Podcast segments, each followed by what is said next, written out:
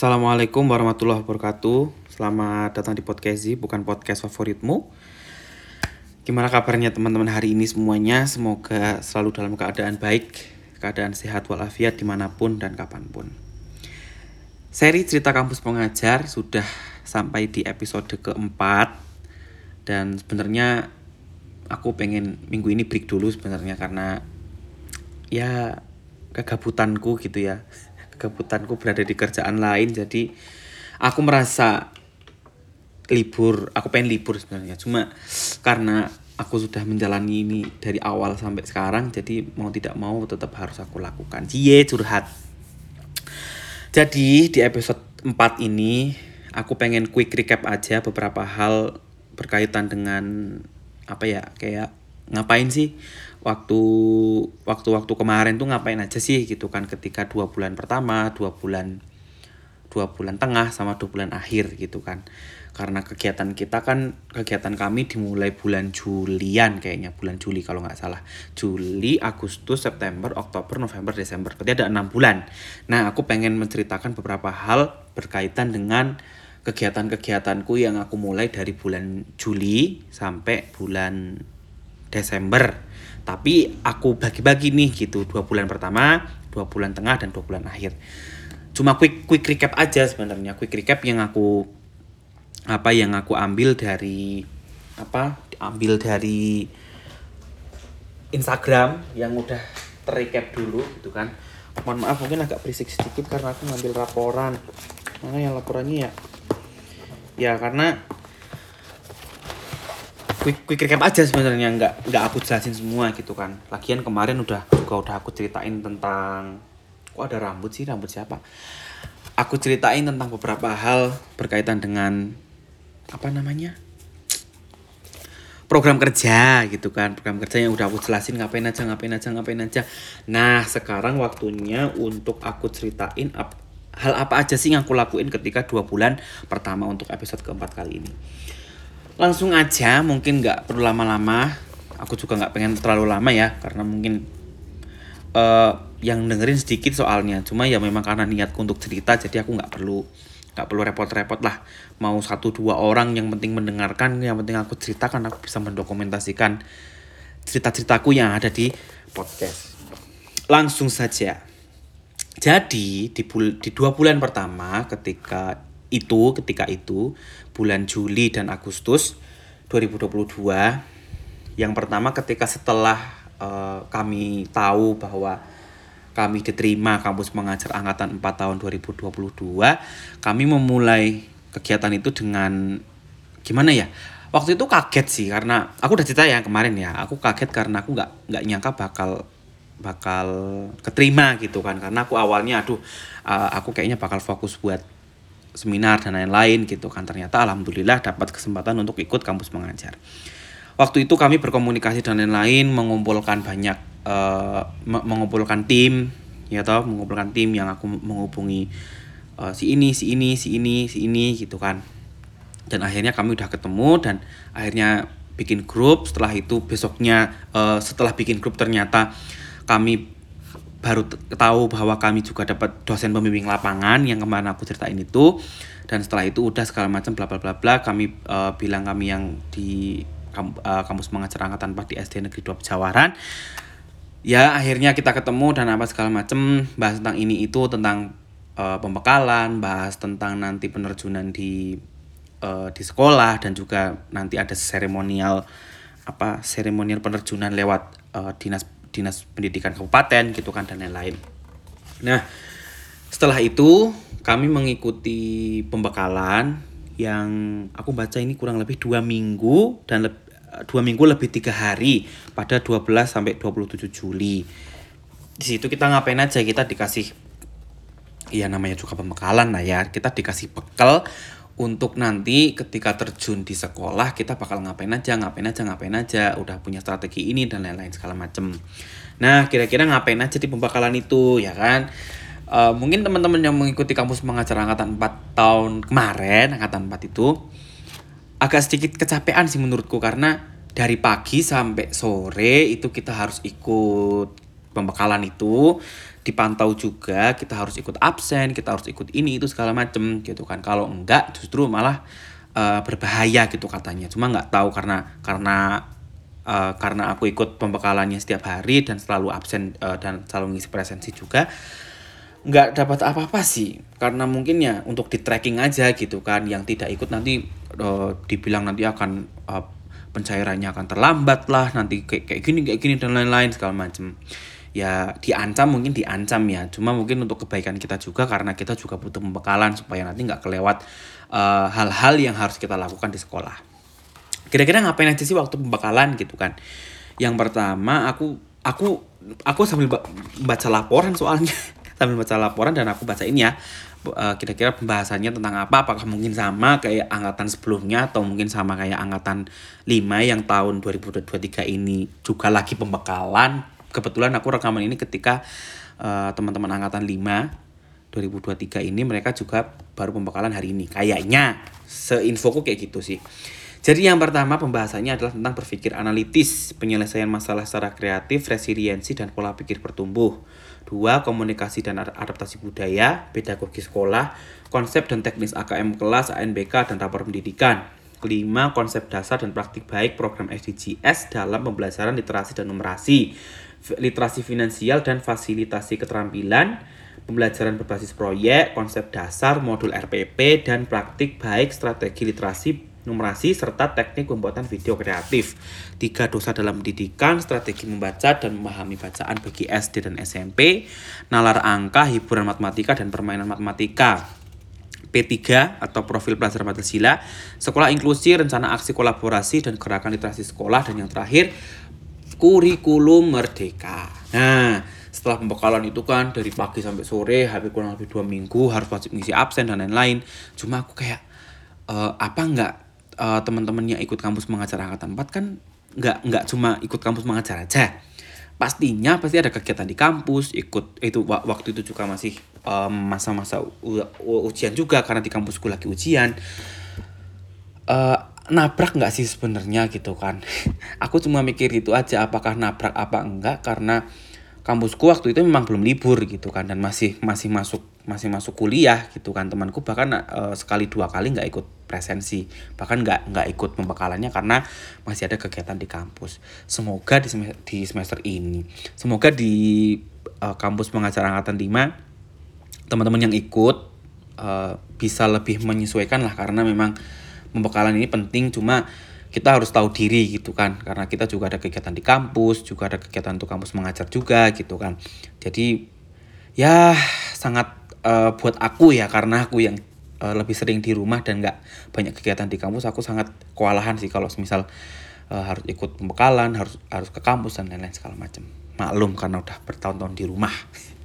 Lalu setelah itu setelah kami ikut penerjunan hari besoknya itu kami pada tanggal 1 Agustus berarti setelah tanggal 27 27 Juli kita masih punya beberapa waktu untuk rapat dan lain-lain berkaitan dengan uh, apa penerjunan secara luring untuk seremonial aja sih katanya gitu kan. Tanggal 1 Agustus bertepatan dengan hari di mana uh, eh, waktu itu juga uh, kami disuruh untuk uh, terjun ke sekolah gitu kan pada tanggal 1 Agustus. Kita langsung ke Dindikpora Kabupaten yang langsung dihadiri oleh PIC Dindikpora yang sekaligus sekretaris Dindikpora. Ya beberapa juga, eh, dosen DPL juga ikut hadir karena sebelum-sebelum itu kita juga udah koordinasi lewat Zoom juga ketemu sama DPL se Kabupaten Banjarnegara. Jadi uh, gambarannya tau lah ketika nanti udah sampai di penerjunan uh, di mana di Dindikpora kita nggak nggak bingung gitu dosennya oh ternyata ini ini ini gitu segala macam nah sedangkan penerjunan di sekolah setelah kita mengikuti penerjunan di dinas, kami langsung penerjunan di sekolah tanggal 2 Agustusnya. Tanggal 2 Agustus yang didampingi oleh Ibu Ana Yulia Hatati SIPMA selaku DPL kami. Kita pun full tim ya, Mas Rasika, Mbak Venika, Mbak Ken dan juga Mbak Tri. Juga kami berlima semuanya alhamdulillah hadir semua. Cuma ketika kami sampai di sekolah, eh, Ibu kepala sekolah ternyata digantikan oleh PLT dulu karena beliau sedang melaksanakan ibadah haji sehingga waktu itu kami tiba di sekolah pun dihadiri uh, dihadiri uh, ketemu sama bapak yang ternyata beliau adalah uh, rekannya ibuku yang ternyata jadi kepala sekolah di SD Negeri 1 Pejawaran.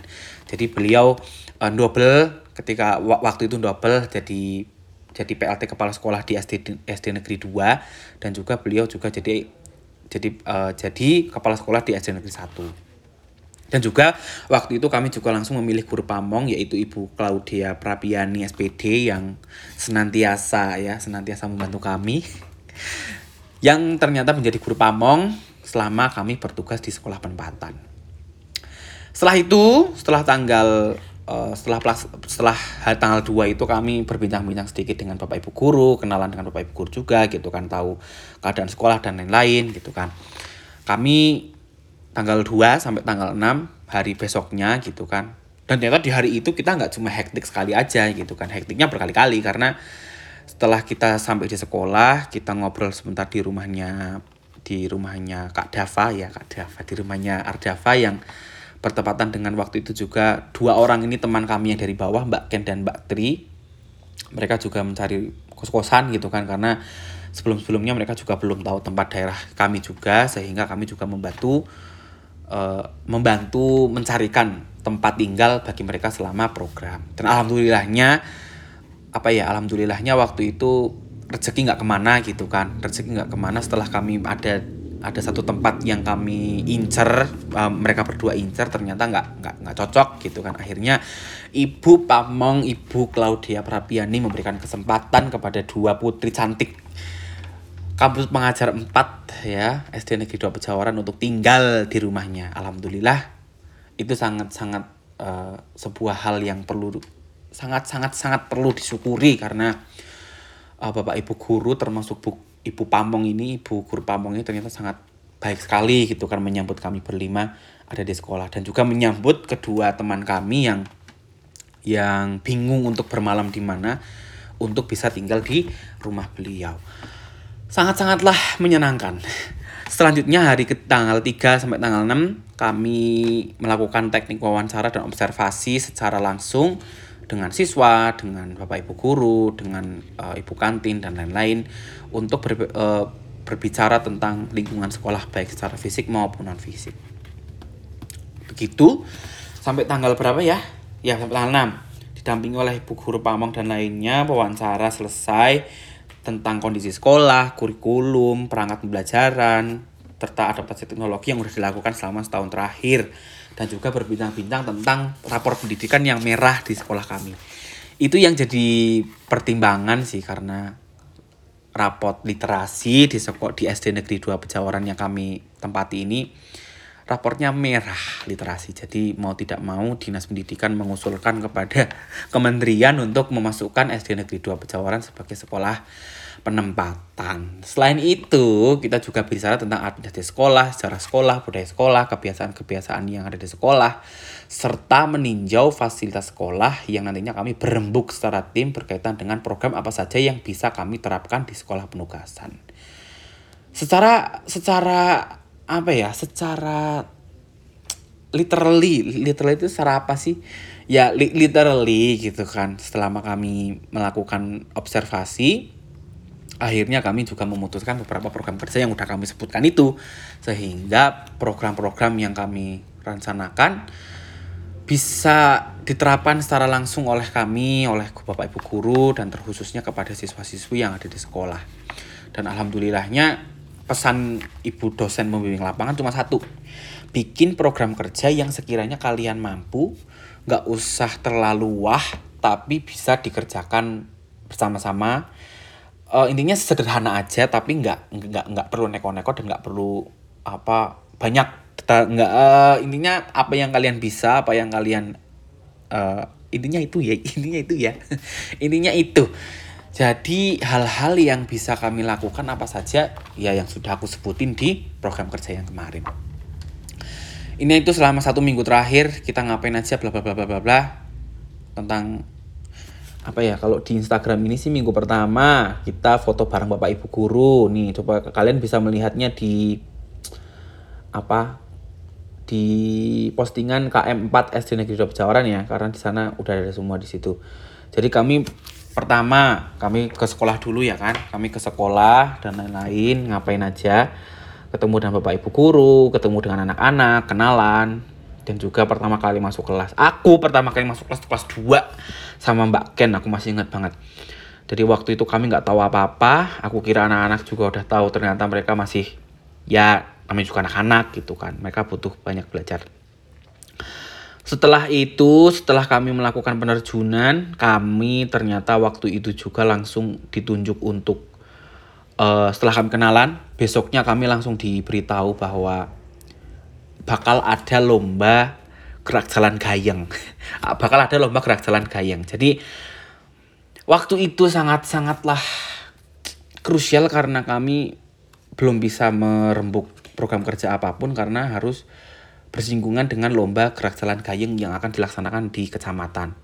Jadi kami harus langsung benar-benar uh, mem, mem, apa ya melatih melatih anak-anak yang udah dipilih supaya mereka bisa mengikuti lomba gerak jalan gayeng tanggal 11 apa 13 ya? Anda, tanggal 11 kalau nggak salah tanggal 11 Agustus waktu itu. Aku masih ingat banget. Ya sudah? Ah ya betul. Nah itu satu minggu pertama kita masih kenalan sama pak ibu guru penerjunan dan observasi di sekolah. Hingga pada akhirnya kita masuk ke minggu kedua karena full satu minggu itu full kita untuk ngelatih anak-anak yang ikut lomba gerak jalan gayeng. Karena waktunya udah mepet kami pun juga kaget ternyata tanggal 11 udah ikut lomba. Di minggu kedua di minggu kedua ini agak cukup unik ya karena uh, sesuai rencana di minggu pertama bahwa kami ada salah satu program kerja yaitu optimalisasi perpustakaan. Itu kita langsung langsung apa? Kita langsung to the point nih gitu kan. Kita langsung to the point bahwa udah kita lakuin aja uh, lang langsung kita untuk uh, berantakin perpustakaan gitu kan. Berantakin dulu perpustakaan nanti baru kita beres-beres. Dan ternyata betul upacara pertama pun hmm, upacara bendera pertama waktu itu kalau nggak salah kelas 5 apa ya? Kelas 5 aku lupa kelas 5 apa kelas 4 gitu. Mereka jadi uh, petugas upacara yang pertama kali. Kelas 4 petugas upacara pertama kali dan kami juga pertama kali mengikuti upacara di sekolah dan juga langsung memberes-beresi perpustakaan. Waktu itu kami belum kenal anak-anak. Anak-anak pun tahu kami karena ya karena kegiatan ini gitu kan. Kami belum belum sedekat itu dan belum belum sema, se, semayak itu gitu kan. Belum seakrab itu. Karena masih ya masih tahap perkenalan lah. Barangkali anak-anak juga masih bla bla bla bla bla gitu kan dan lain-lain. Itu tanggal 11-nya kami langsung mengikuti lomba gerak jalan gayeng yang ternyata sangat-sangatlah penuh dengan kompetisi gitu kan. Karena waktu itu kami juga nggak expect bahwa penampilannya sangat wah gitu kan di minggu kedua. Tapi alhamdulillah lah. Alhamdulillah di minggu di minggu ke berapa ini? Di minggu kedua kami ada beberapa hal yang bisa kami lakukan. Selain melatih gerak jalan gayeng. Setelah udah selesai pokoknya hari itu eh, program kerja yang bisa kita lakukan kita lakukan kayak uh, mengikuti upacara itu nggak masuk itu sih cuma lebih ke momennya aja. Upacara yang pertama langsung optimalisasi perpustakaan terus gerak terus pertama kali senam pramuka ya kan? Pertama kali senam pramuka di sekolah. Dan juga kamu teman-teman tahu apa yang kami lakukan setelah itu? Minggu kedua adalah minggu tercapek yang pernah ada. Karena setelah mengikuti lomba pelajaran gayeng kami harus ikut membantu bapak ibu guru untuk mengikuti hari apa persami untuk memperingati hari pramuka tanggal 13 dan 14 itu. Itu minggu paling sibuk, minggu kedua itu udah paling sibuk ya, minggu paling sibuk di antara minggu lain-lainnya di bulan Agustus karena waktu itu memang kami apa uh, di bredel beberapa lomba gitu kan, nggak cuma itu aja, ada juga uh, itu di minggu ketiga apa ya kalau nggak salah. Nah intinya itu ya intinya itu. Di minggu kedua kami masih sibuk untuk ngurusi gerak jalan kalian sama ikut persami. Itu pun kami cuma membantu dan sangat-sangat capek sekali. Wow durasinya sudah 19 menit. Kita langsung cepat saja. Itu minggu kedua lalu di minggu ketiga kami ada beberapa kegiatan setelah itu minggu tercapek. Sampai kami hari Senin izin untuk tidak berangkat ke sekolah karena keadaan kami sangat bobrok sekali gitu kan. Teman-teman juga sudah tidak sanggup lagi untuk melek waktu itu setelah itu hari Selasa kami dibilang bahwa akan ada kegiatan uh, apa namanya hari Selasa apa hari Rabunya gitu aku aku lupa hari pertama kalau hari hari per, uh, hari Selasanya kami disuruh untuk lomba, lomba mengadakan lomba kecil-kecilan berkaitan dengan peringatan Hari Kemerdekaan Republik Indonesia ke-77. Jadi kami harus membuat lomba ini, lomba itu segala macam gitu kan. Dan hari berikutnya kami diajak untuk mengikuti lomba jalan uh, jalan santai, jalan santai apa jalan apa sih? Jalan santai ya benar jalan jalan santai. Jalan santai di mana kami jalan santai dan juga pawai sih sebenarnya itu lebih ke parade festival pawai pawai pawai sedesa pejawaran untuk ikut itu jadi kami sangat capek sekali karena muter desa pejawaran itu kan luas ya. Dikira cuma jalan itu tok ternyata ada jalan kecil yang jalannya seperti itu gitu kan. Dan kami juga disuruh uh, ada beberapa siswa yang ikut ikut penampilan tari juga untuk memperingati hari kemerdekaan juga. Sampai setelah itu ketika peringatan hari kemerdekaan pun kami juga mengikutinya untuk me mencari tahu apakah kami mendapatkan juara atau tidak. Ternyata tidak ya ternyata tidak. Ternyata tidak. Kami sangat kecewa karena perlombaan gayang belum mendapatkan hasil. Kami juga mengikuti latihan upacara pertama kali untuk kelas berapa ini ya? Kelas 6 kalau nggak salah. Iya kelas 6 untuk kelas 6. Coba bisa dilihat di Instagram di minggu ketiga itu. Sambil nyimak ya, sambil nyimak. Dah, itu minggu-minggu ketiga kegiatan kami seperti itu. Lalu di minggu keempat ini kita mulai sibuk berkaitan dengan AKM dan juga FKKS, Forum Komunikasi dan Koordinasi Sekolah. Itu yang jadi bahan pertimbangan dari tim program karena kami harus melaksanakan AKM uh, eh, pretest AKM pertama dan uh, pretest AKM dan juga FKKS. Jadi di minggu keempat ini kami sibuk ke hal itu yang di mana kami juga masih membantu beberapa, pelajaran di kelas terus habis itu kami membuat laporan untuk FKKS dan lain-lain ikut uh, senam bersama Jumat sehat dan juga pelaksanaan uh, proses AKM kelas untuk uh, peritas AKM kelas untuk kelas 5 yang paling susah adalah ketika kami mengajari mereka bahwa ini seperti ini seperti ini seperti ini. Karena anak-anak juga belum di apa ya belum dikasih basic untuk untuk menggunakan teknologi apalagi laptop gitu kan. Sehingga kami butuh butuh waktu untuk memberikan waktu kepada mereka supaya mereka bisa me menyesuaikan diri dengan teknologi yang ada. Selanjutnya setelah itu kami juga mengadakan FKKS yang dihadiri. Alhamdulillahnya ibu kepala sekolah sudah hadir. Yang ketika itu baru saja pulang dari uh, ibadah haji. Dan alhamdulillahnya sudah bisa rawuh ke sekolah dan kami akhirnya bisa ketemu dengan ibu dosen. Ibu dosen, kepala sekolah dan ibu guru pamong bisa bertemu dan duduk bersama di bangku depan itu bisa kalian lihat di Instagram KM4 SD Negeri 2 Pejawaran.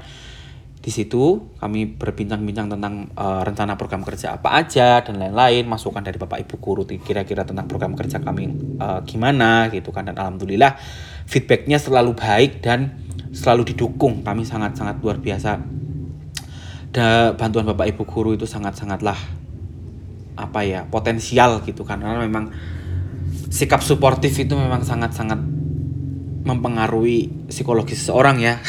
Aku nggak tahu teman-teman psikologi bisa memberitahu.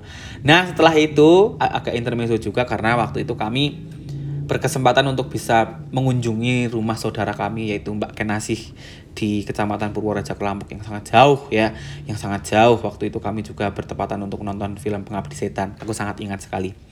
Itulah masa-masa terindah. Walaupun aku sangat takut karena di tengah jalan itu sangat-sangat ramai.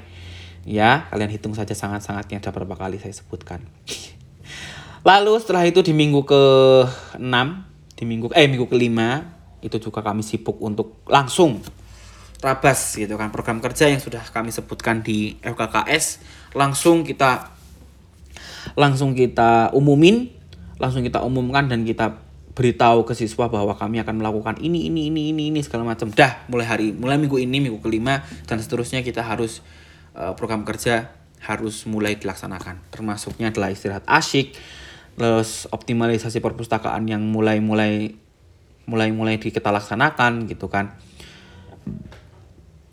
dan waktu itu bertepatan juga dengan uh, apa namanya bertepatan dengan uh, rapat pleno bersama wali murid yang mungkin akan aku ceritain di episode selanjutnya karena ini berkaitan dengan kondisi psikologi siswa dan juga mungkin teman-teman tahu lah permasalahan-permasalahan anak-anak yang mungkin basic ya bagi anak SD yang cukup-cukup tidak bisa ditoleransi gitu kan.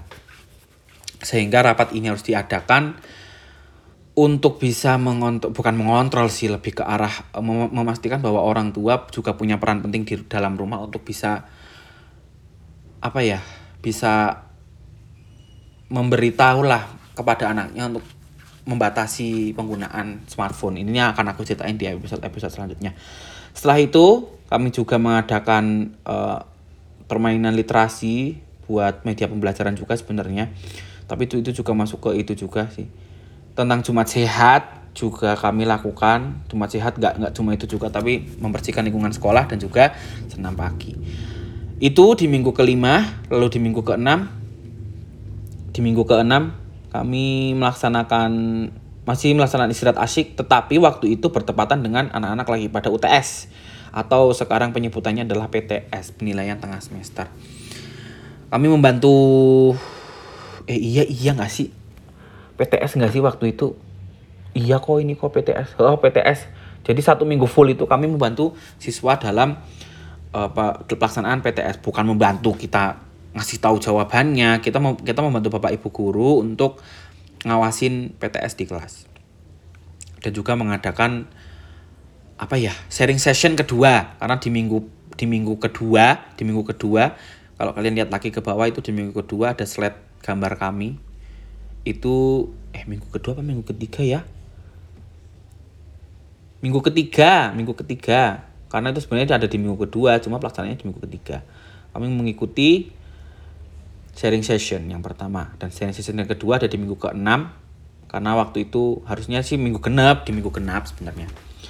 Nah itu di minggu keenam kami full me mengawasi PTS setelah itu di minggu ketujuh ya di minggu ketujuh kami udah mulai gas lagi karena mengingat uh, mengingat proker-proker yang belum terlaksana juga masih banyak apalagi berkaitan dengan pembelajaran literasi numerasi di kelas. Dan alhamdulillahnya gitu kan di minggu ketujuh ini aku diamanahkan bukan diamanahkan sih lebih dihimbau dihimbau dikasih tahu sama bapak wali murid kelas wali murid wali kelas 4 Pak Eko bahwa uh, bukan Pak Eko sih. Aku ulang deh, aku ulang.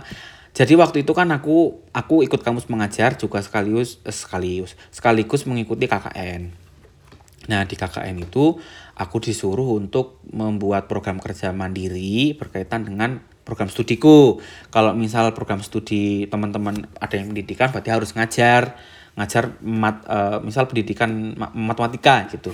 Nah, teman-teman harus bikin program kerja berkaitan dengan uh, pengajaran tentang matematika di kelas supaya masuk ke laporan KKN. Nah, aku pun gitu. Aku sebagai mahasiswa sastra Inggris yang ikut KKN kampus mengajar mau tidak mau aku harus me memberikan uh, membantu pembelajaran bahasa Inggris di beberapa kelas termasuknya di kelas 4 5 dan 6 waktu itu karena aku cuma di kelas itu aja. Dimulai dari minggu ketujuh ini. Dan alhamdulillah istirahat asik dan lain-lain semua bisa terlaksana di minggu ini. Terus kami juga melakukan intervensi yang udah kita mulai dari minggu sebelumnya berlanjut hingga minggu berikutnya. Jumat sehat juga masih dan lain-lain. Lalu yang terakhir adalah minggu ke-8 kita sampai di minggu 8 dulu aja karena minggu berikutnya udah masuk bulan September. Minggu ke-8 eh bulan Oktober atau ke langsung ke minggu 9 aja. Biar nanti minggu ke 10 dan lain-lain bisa kita langsung lanjut sampai bulan November.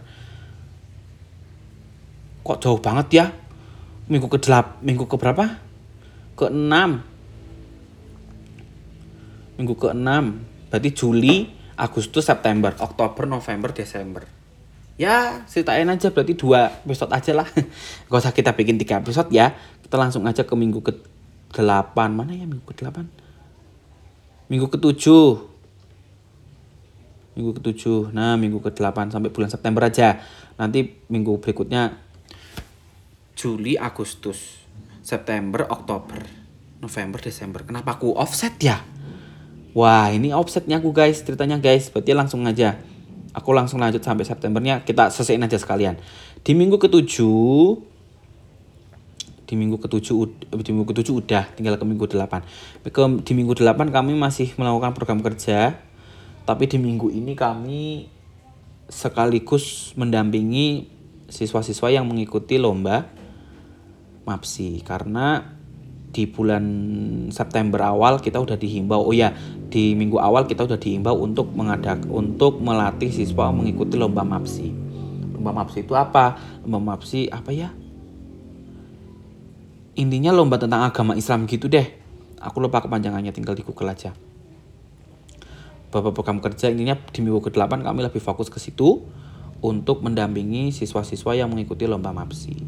Dan alhamdulillah alhamdulillahnya ada siswa yang bisa mendapatkan juara dua walaupun nggak juara satu yaitu Ananda Faza Nasfa Aprilia ya Faza Nafsa Afidia kelas 6 yang berhasil mendapatkan juara lomba juara 2 di MAPSI. Alhamdulillah itu berkat Pak Ketua Pak Mas Rasika Arda Fasahila yang beliau punya basic pidato. Pidatonya bagus banget. Kalau teman-teman mau lihat boleh tinggal DM aku aja.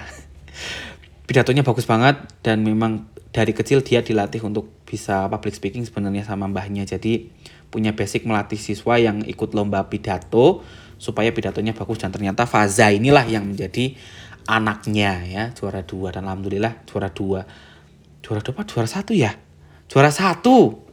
Uang dia bisa mewakili kabupaten mewakili kecamatan berarti juara satu.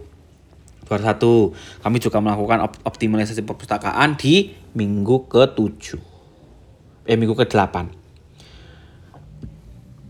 minggu ke 10 minggu ke 9 minggu ke 9 kayaknya aku bener-bener offset deh. Apa apa biar langsung belas aja. Berarti dua episode ya. Dua episode untuk pembahasan ini. Untuk pembahasan uh, pembahasan kampus pengajar. Minggu, minggu ke 9 Mas Rasika Arda Fasahila tidak bisa menjalankan tugas karena sedang berada di Lombok. Alhamdulillah Mas Rasika bisa terbang ke Lombok setelah sekian lama.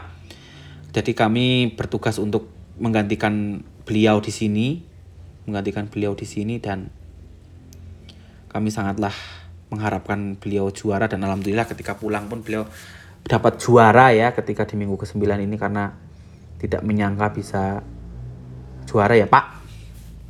Alhamdulillah di minggu ini juga kami melaksanakan apa program kerja termasuknya membantu me, membantu siswa yang mengikuti ini lebih ke simulasi sepertinya simulasi untuk ANBK ya, simulasi ANBK kelas 5 dan juga aku masih ikut bantu ngajar di kelas 5, kelas 4, kelas 6 gitu kan untuk tugas KKN juga. Terus mengikuti upacara ini upacara hari apa ya? Eh ini upacara hari apa sih? Upacara hari apa ya? Oh ya hari upacara kesaktian Pancasila. Karena di minggu di minggu awal Oktober. Mungkin itu aja ini juga di minggu ke-9 juga kami memberikan mendokumentasikan hadiah kepada pejuara yang ikut dokter cilik. Oh ya, kami juga beberapa beberapa dari kami juga meng, meng, me, melatih lomba untuk apa namanya ini? Dokter dok, dok, dokter cilik. Dokter kecil yang alhamdulillah cuma dapat juara harapan. Tapi alhamdulillah Faza bisa mendapatkan juara satu dan melanjutkan ke kabupaten. Mungkin itu aja buat episode kali ini terlalu offset ternyata. Yang aku rencananya mau Juli Agustus September Oktober November Desember. Ternyata malah aku bablas ke Juli Agustus September Juli September eh Juli Agustus September. Berarti di episode berikutnya aku cuma cerita Oktober November dan Desember.